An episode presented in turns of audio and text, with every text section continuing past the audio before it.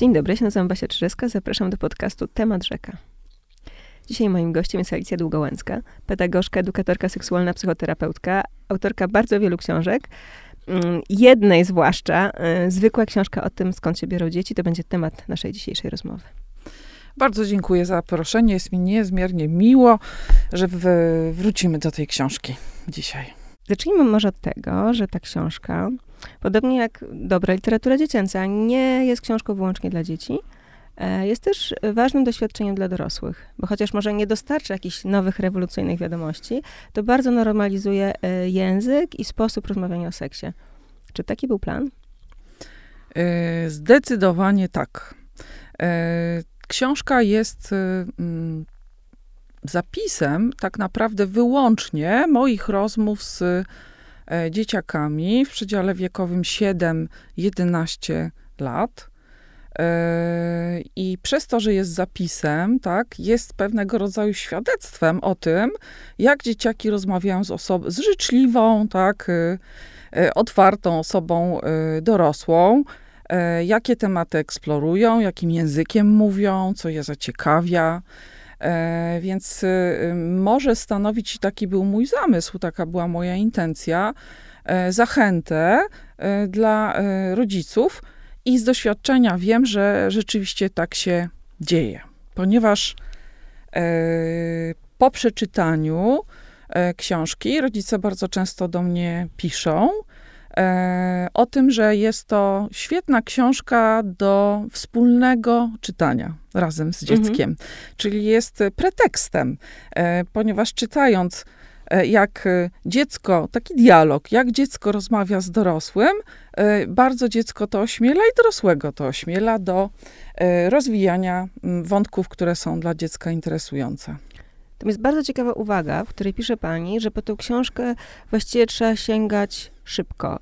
6, mm, 7, może 9 lat to już jest taki moment, e, kiedy ten temat e, ciała, seksu, relacji, związków powinien być obecny, bo później pojawia się dojrzewanie, a z dojrzewaniem pojawia się wstyd i mhm. seks staje się czymś innym niż wcześniej. Na czym polega ta cudowna przemiana, albo właśnie straszna przemiana? No jeżeli bym miała coś powiedzieć o wstydzie, to, e, to jego źródła są wcześniejsze, mm, czyli tabu, takie seksualne, e, to wynika z badań, pojawia się u dzieci już w wieku przedszkolnym, w okolicach piątego roku życia.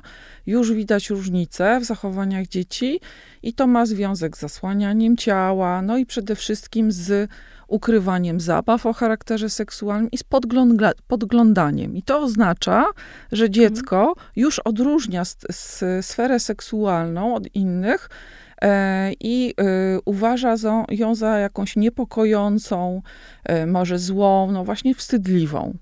E, wstyd, o którym e, pani wspomniała, jest już e, wstydem związanym z kategorią intymności i seksualności i jest wynikiem e, po prostu pojawienia się nowej kategorii, jaką jest pożądanie. Mhm. Czyli w wyniku zmian hormonalnych e, człowiek zaczyna pożądać, tak? I jest to obszar niezwykle intymny i e, wpisany w kategorię dorosłości i nie ma on, mm, nie ma na niego miejsca w relacji na opowiadanie o nim w relacji z to jest rodzicami. prywatne doświadczenie. Tak, jest to prywatne mhm. doświadczenie już już y, dojrzewającej e, do dorosłości, tak, y, osoby. Czyli wtedy rozmawiając o seksie stajemy się namolni, bo staramy się włamać do tej strefy.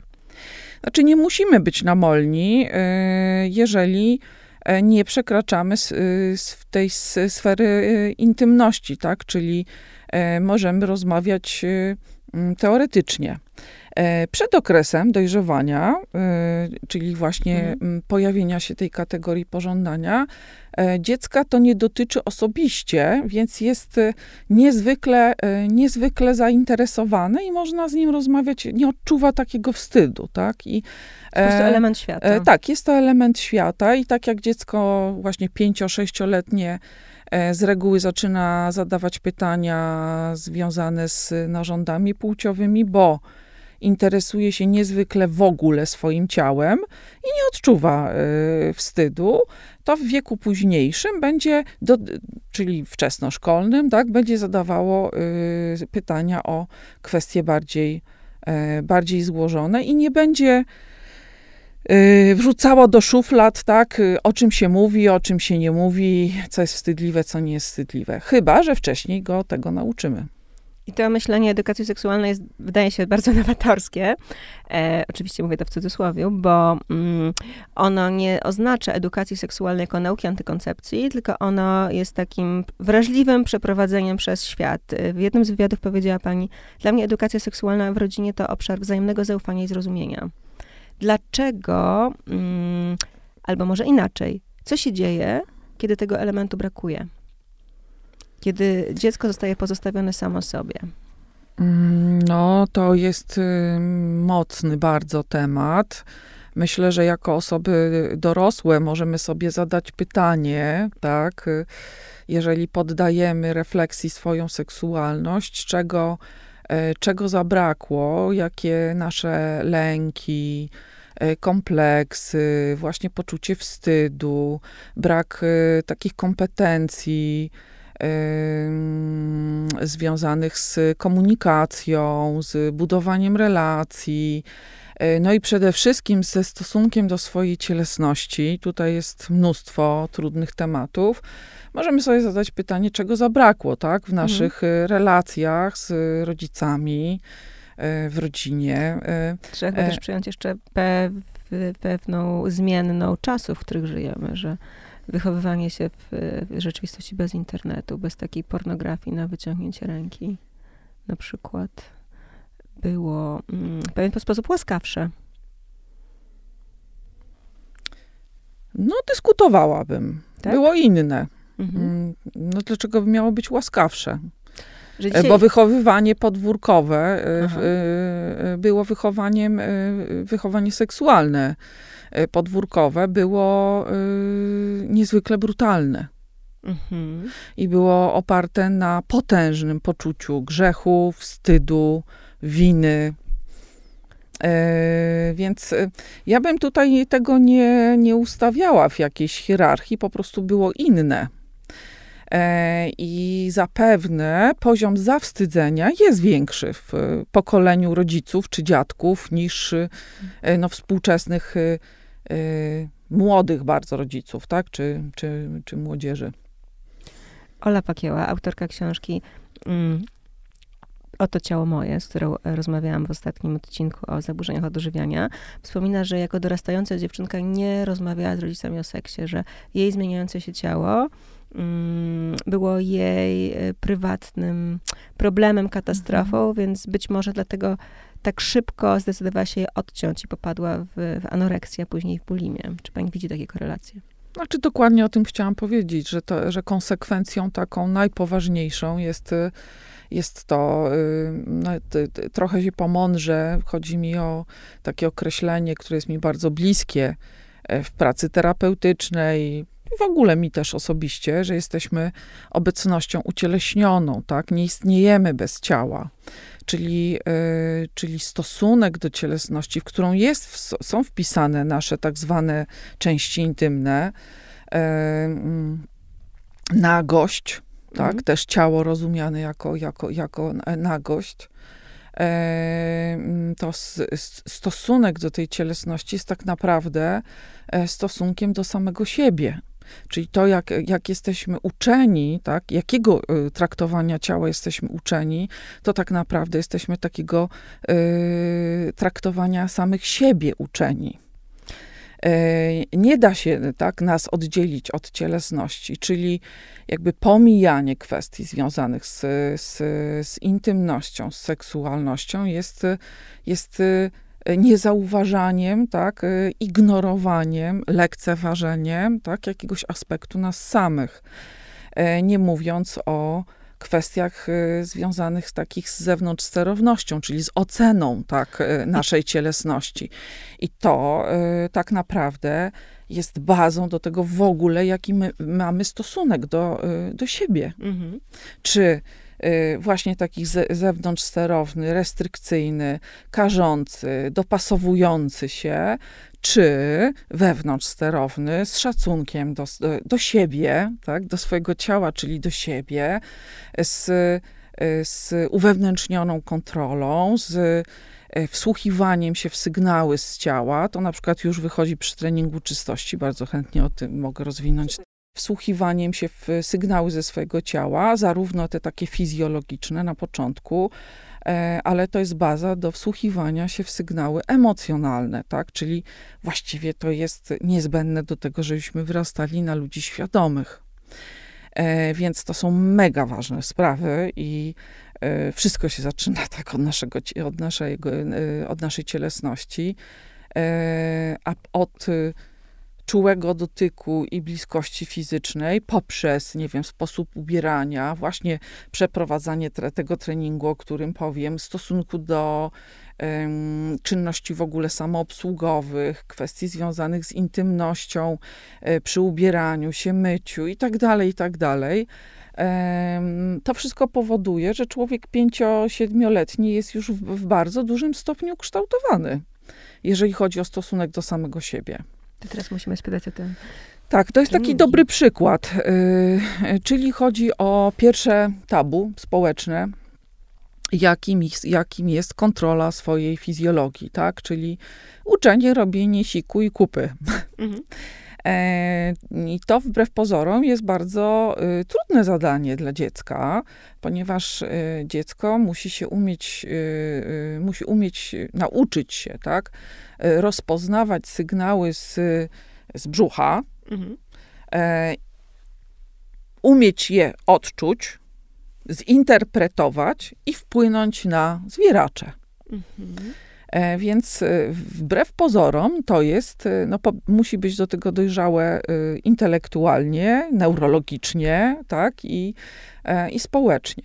No i my mamy taką tendencję w, w, w naszym kraju do tego, że przedwcześnie to robimy, porównujemy dzieci między sobą, stosujemy presję, w postaci albo zastraszania, zawstydzania, albo nadmiernego takiego chwalenia, zamiast dać dziecku przestrzeń do tego, żeby doświadczało swojego ciała, żeby miało motywację do tego i żeby samo no, właśnie eksperymentowało i wsłuchiwało się w swoje, w swoje ciało i przyjmowało zasadę, która mm, z zasady nie jest dla niego y, y, zrozumiała, tak? No bo to jest pierwszy, ta, pierwszy wymóg społeczny. Mhm. E, my wszyscy jako ludzie, tak mniej więcej do pierwszego, drugiego roku życia, e, to było nam kompletnie obojętne, tak, w jaki sposób załatwiamy swoje potrzeby fizjologiczne. E, więc to jest bardzo ważne, ponieważ podczas tego treningu właściwie się rozgrywa, to jest taki pierwszy akt, jeżeli chodzi o nawiązanie relacji e, z dzieckiem e, w tym obszarze budowania zaufania do siebie. Tak? Mhm. Czy jesteśmy w tym restrykcyjni i wymagamy posłuszeństwa i uczymy dziecko właśnie dostosowywania się do, e, do reguł, czyli po to, żeby zadowolić, że tak powiem, rodzica albo, albo nie zostać ukaranym, czy uczymy dziecko takiej postawy, że przy pewnej otwartości, czyli jeśli dziecko widzi, jak się rodzice załatwiają, tak, że dziecko w, w pewnym momencie, to jest w okolicach drugiego roku życia, tak między drugim a trzecim latem ściągamy dziecku pieluchę e, w porze letniej, tak? I dziecko wie, jak się załatwiają, na przykład starsze rodzeństwa, jak się załatwiają rodzice i ono samo chce, tak, nauczyć się e, tej umiejętności i obserwuje swoje ciało. Mhm. Tak, i tutaj bardzo to jest ważne, w jaki sposób reagujemy. E, to jest też ten czas, kiedy na, tak naprawdę dziecko uczymy i stosunku, i nazewnictwa, tak, związanego z intymnymi częściami ciała. Potem następnym e, etapem jest e, budowanie no, takich pierwszych, że tak powiem, zrębów poczucia intymności. To będzie, będzie związane z zamykaniem drzwi w łazience, z uczeniem dziecka higieny intymnej itd., tak itd. Tak Czyli mniej więcej do czwartego, piątego roku życia dziecko powinno być tego nauczone i powinno rozróżniać, co jest intymne, jego intymnością, a co nie bo to będzie stanowiło z kolei mm, obszar umiejętności związanych z poszanowaniem intymności innych. Mhm. Więc to są mega ważne rzeczy i one się rozgrywają strasznie wcześnie. I one mają wprowadzać do takiego dobrego samo poznania y, i właśnie tego mm, takiej ciekawości wobec świata, która pozwala pewne rzeczy przyjmować, stawiać granice, eksplorować, nazywać. Czyli... E, tak, tylko dodałem, że nawet więcej. O. Znaczy, że to ma związek z, y, z zaufaniem do siebie, mhm. tak? Czyli z, z, z, z umiejętnością i zaufaniem do tego, że mogę się ze sobą kontaktować i że w ciele jest odpowiedź i że ciało bardzo dużo mówi. Ja to mówię też z perspektywy osoby dorosłej, tak, mhm. że my y, tak naprawdę tak swoje emocje możemy rozpoznawać y, wyłącznie tak, po tym, co się dzieje w naszym ciele. Nie wymyślać, tylko my, mhm. my czujemy emocje. E, I to jest, to jest taki, taki początek tak do, do, do budowania takiej umiejętności u dziecka właśnie yy, zaufania do siebie, czyli sięgania, zadawania sobie pytań, yy, obserwowania siebie.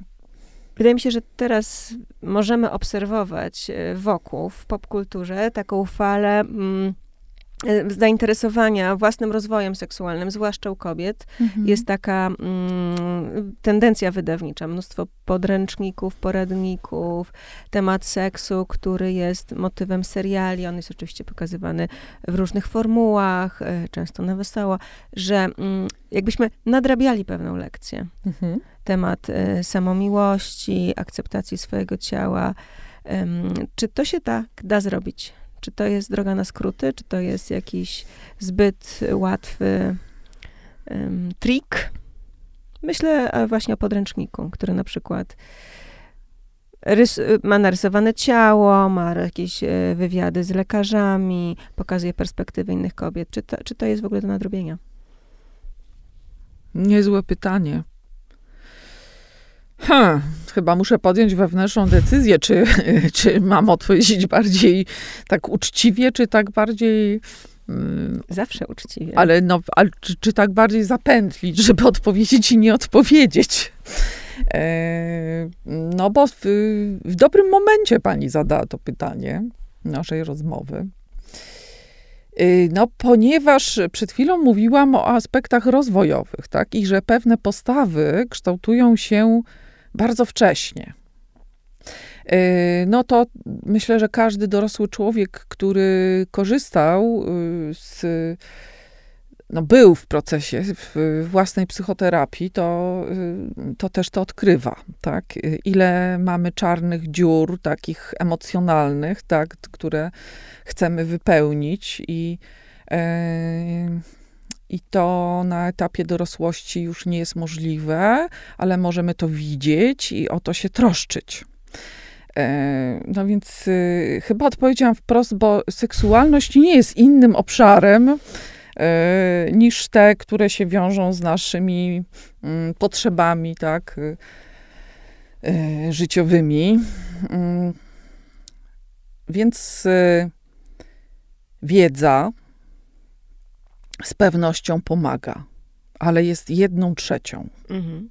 Tak bym powiedziała, jeżeli chodzi, jakbym miała jakoś określić proporcje. E, wiedza y, może nam pomóc, żeby y, zobaczyć te nasze deficyty, które jeśli je mamy, tak, y, to czego nie, czego nam zabrakło w wychowaniu seksualnym, już celowo, celowo powiem nie edukacji, ale wychowaniu seksualnym, jaki bagaż nosimy. I tu powiem terapeutycznie, e, żeby się tym zatroszczyć. Mhm. Żeby wiedzieć, że mamy takie obszary, które są stęsknione, które są e, wrażliwe, które są drażliwe, które są głodne, które są e, mm, pozamykane, pomrożone, tak?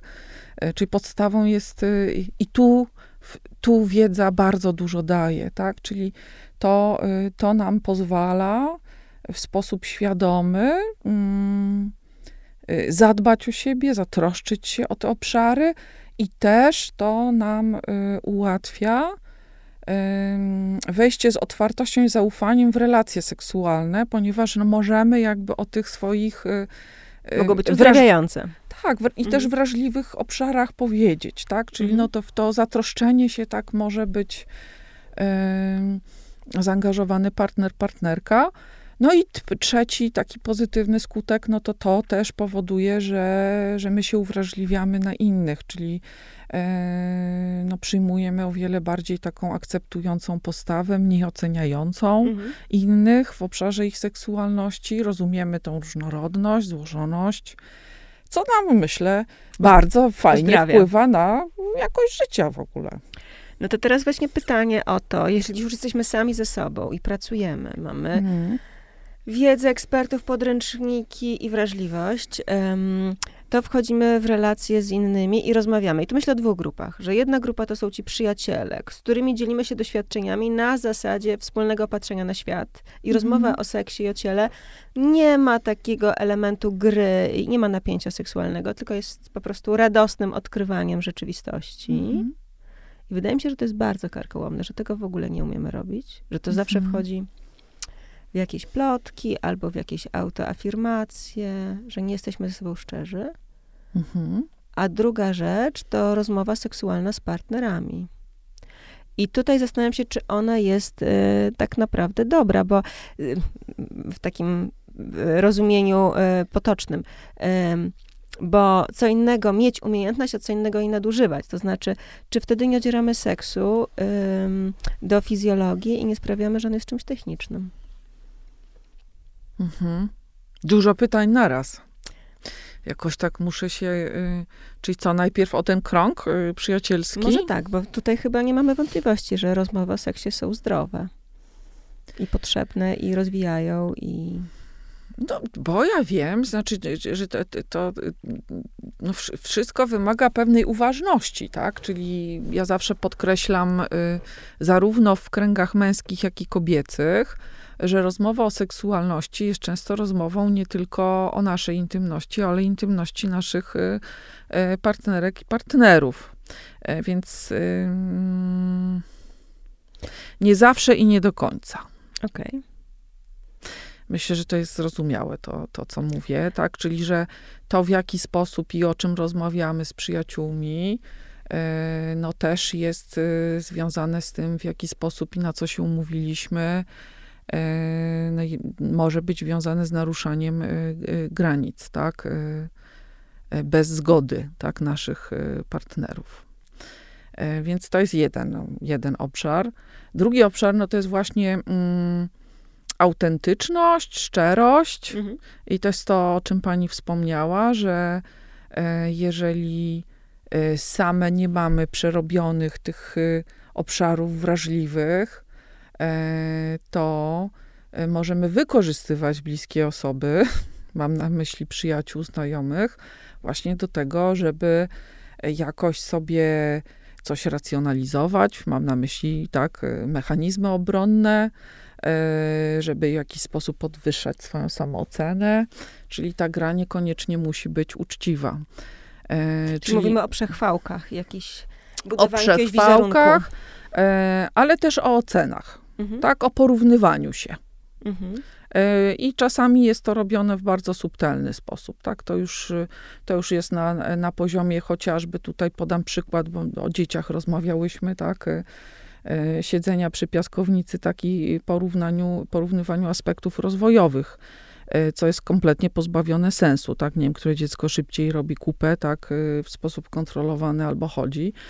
E, Więc kwestie dotyczące seksualności te, też czasami podajemy informacje w taki bardzo, że tak powiem, raniący sposób. No jest takie jedno określenie, którego, które uważam za no, skrajnie krzywdzące i same kobiety kobietom to robimy. Chodzi o tak zwane układanie sobie życia, tak? Że jedna, jedna sobie ułożyła, druga sobie nie ułożyła Mhm. i wiadomo o co chodzi.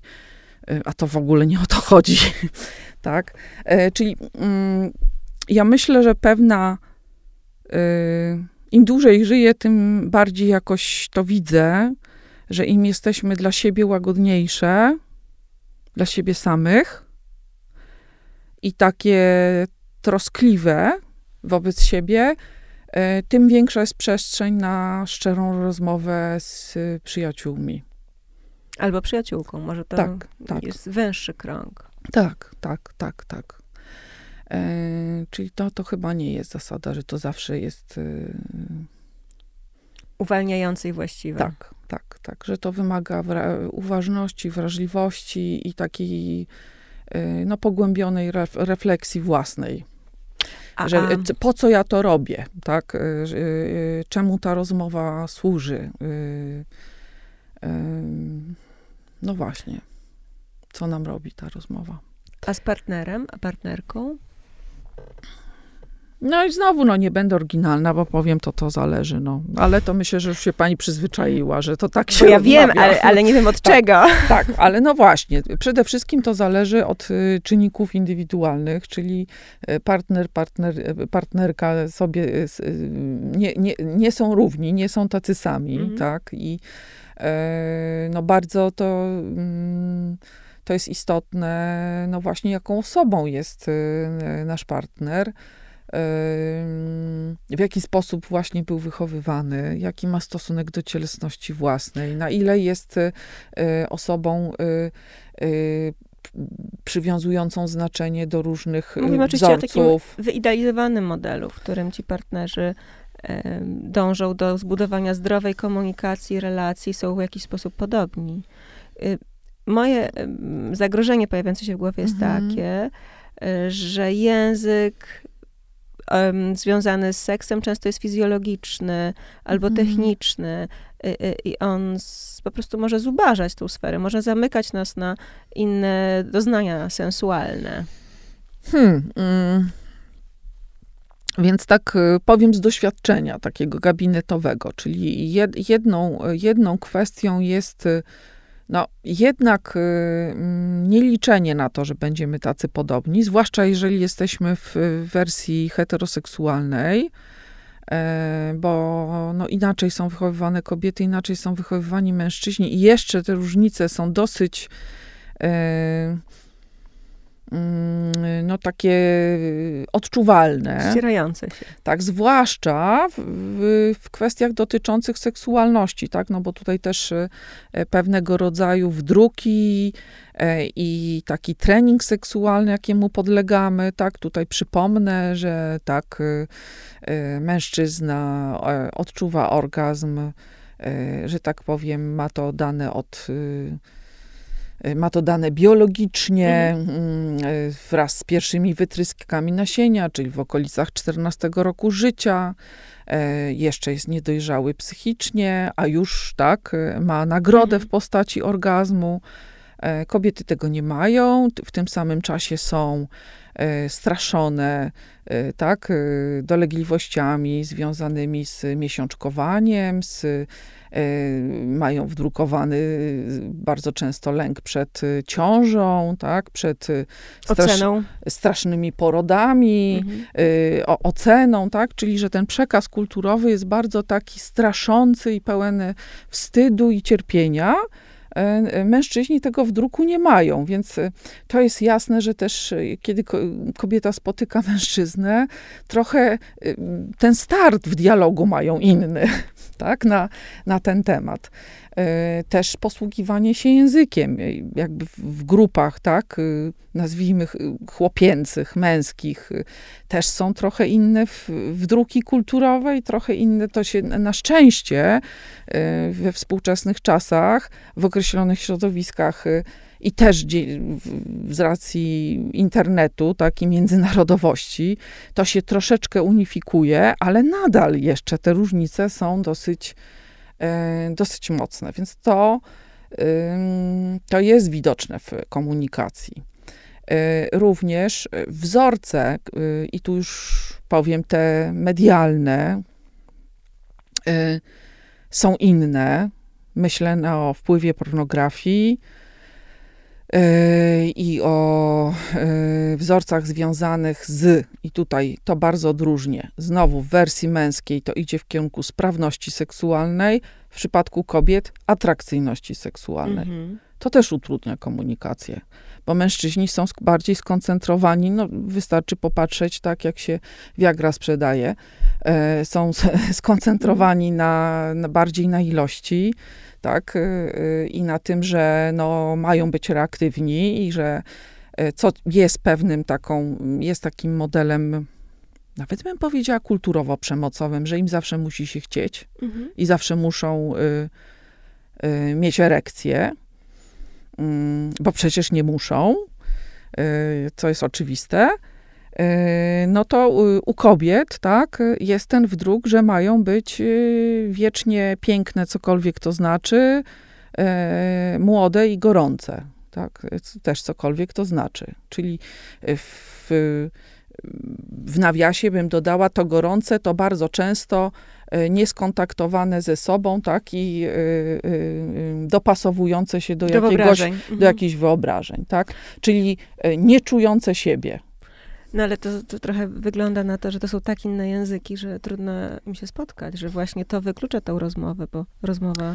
Ja dlatego powiedziałam, że to wcale, że, znaczy, że to jest trudne i wcale bym się nie koncentrowała na tym, że to odseksualizuje, mhm. tylko, że to jest y, mega wyzwanie i że to może bardzo zbliżać, że to jest konieczne. Mhm. Tak, czyli y, oczywiście... Y, idąc za wątkiem, który pani podała, no to rozmowa, rozmowa o samej seksualności, o tym, czego potrzebujemy, jakie stawiamy granice, na co się zgadzamy, czego pragniemy, to jest co bardziej nas komunikacja podnieca. niż rozmowa. Tak, znaczy, że, to, że na to jest miejsce nawet...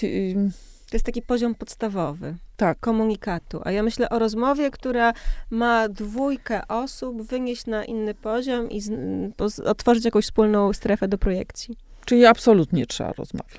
Znaczy, to uważam, że to w żaden sposób nie odseks, odseksualizować może analizowanie, że tak powiem, w trakcie. Tak? Mhm. To, to, jest przestrzeń na bliskość, tak? Czyli wtedy, kiedy y, to jest taki temat, jak każdy inny, związany z eksplorowaniem tego, co jest, co jest e, naszą wrażliwością, naszą emocjonalnością, tak? Czyli jeżeli, e, jeżeli się otwieramy i uczymy się o tym rozmawiać, to i przyjdzie czas na to, żeby rozmawiać właśnie o różnicach, o tym, jak możemy to uwspólnić, albo jak możemy mm, mm, afirmować te mhm. różnice, bo one mogą być niezwykle seksualne.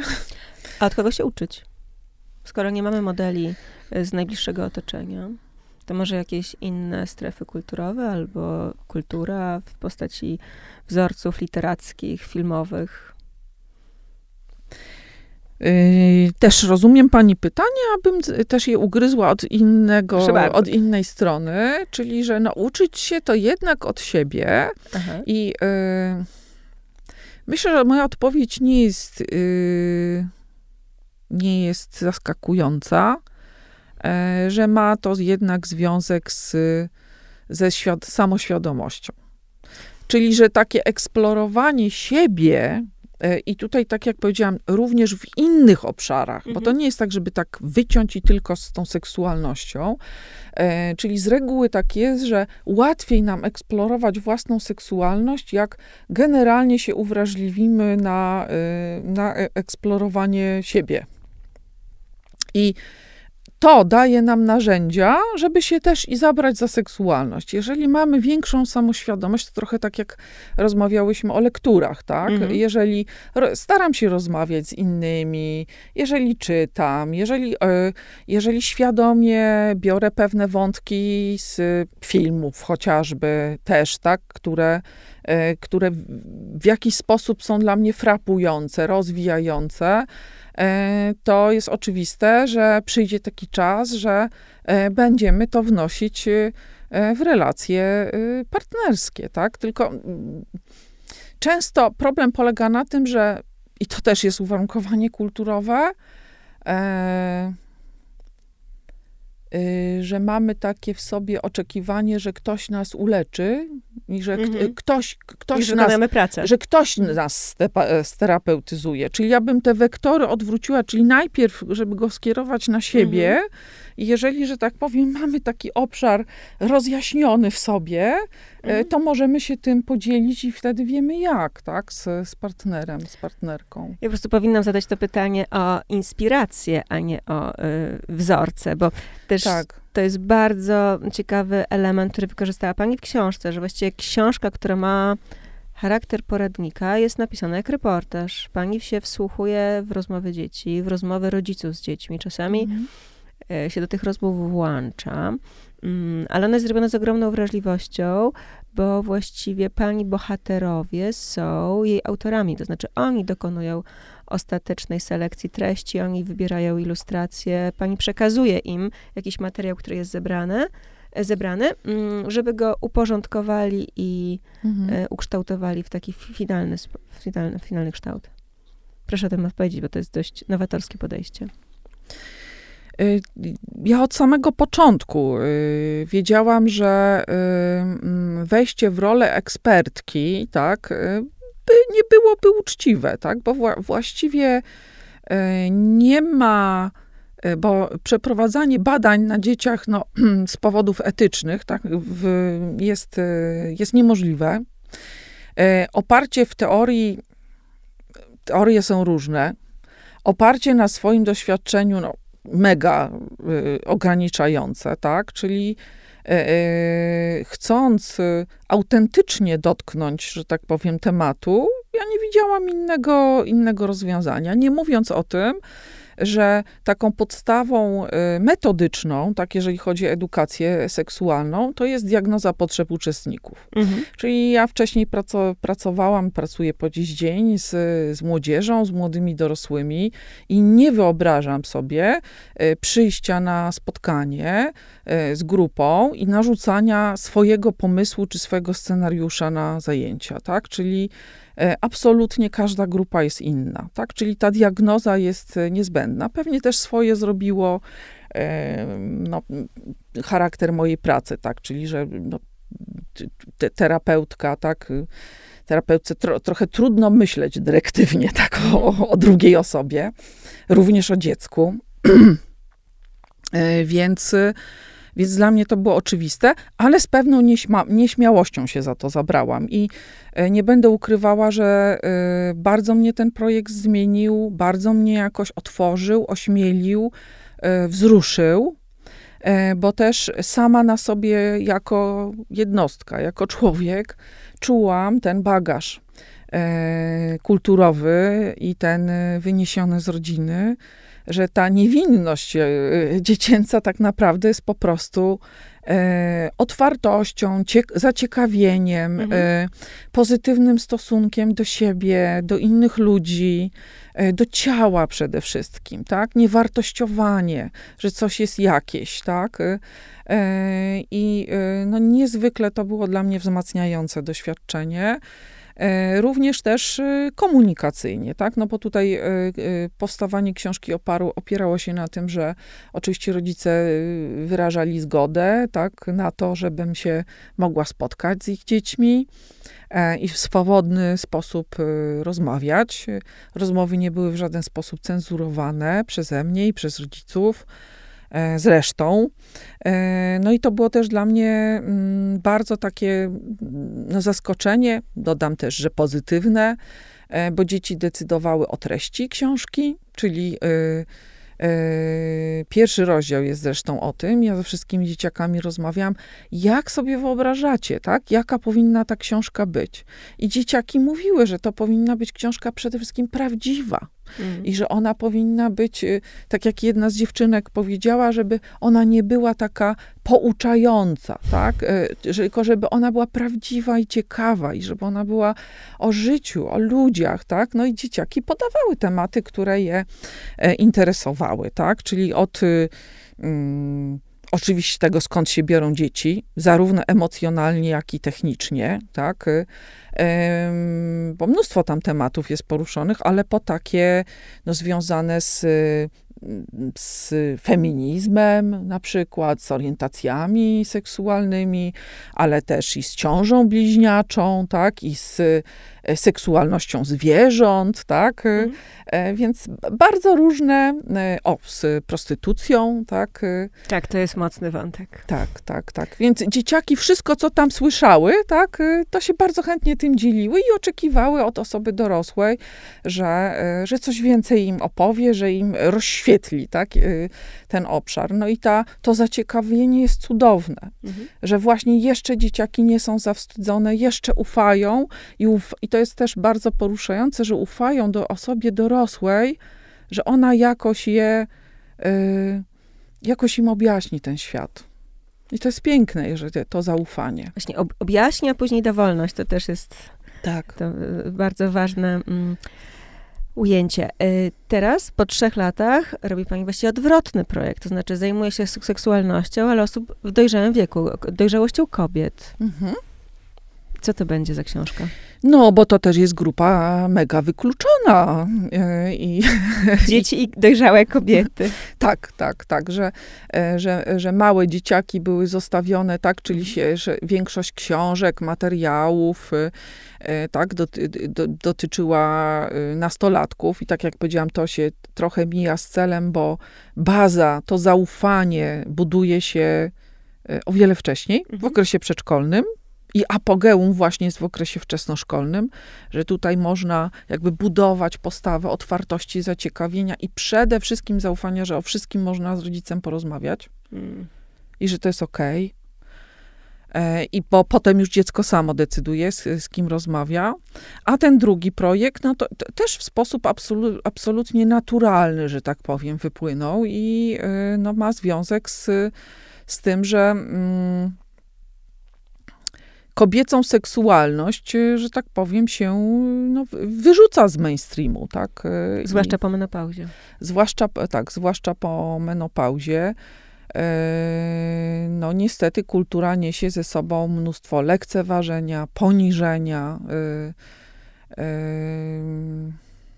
związanego i z, wyg- z wyglądem, i z ekspresją seksualną. E, Więc e, no, zabrałam się za ten temat w taki sposób siostrzany.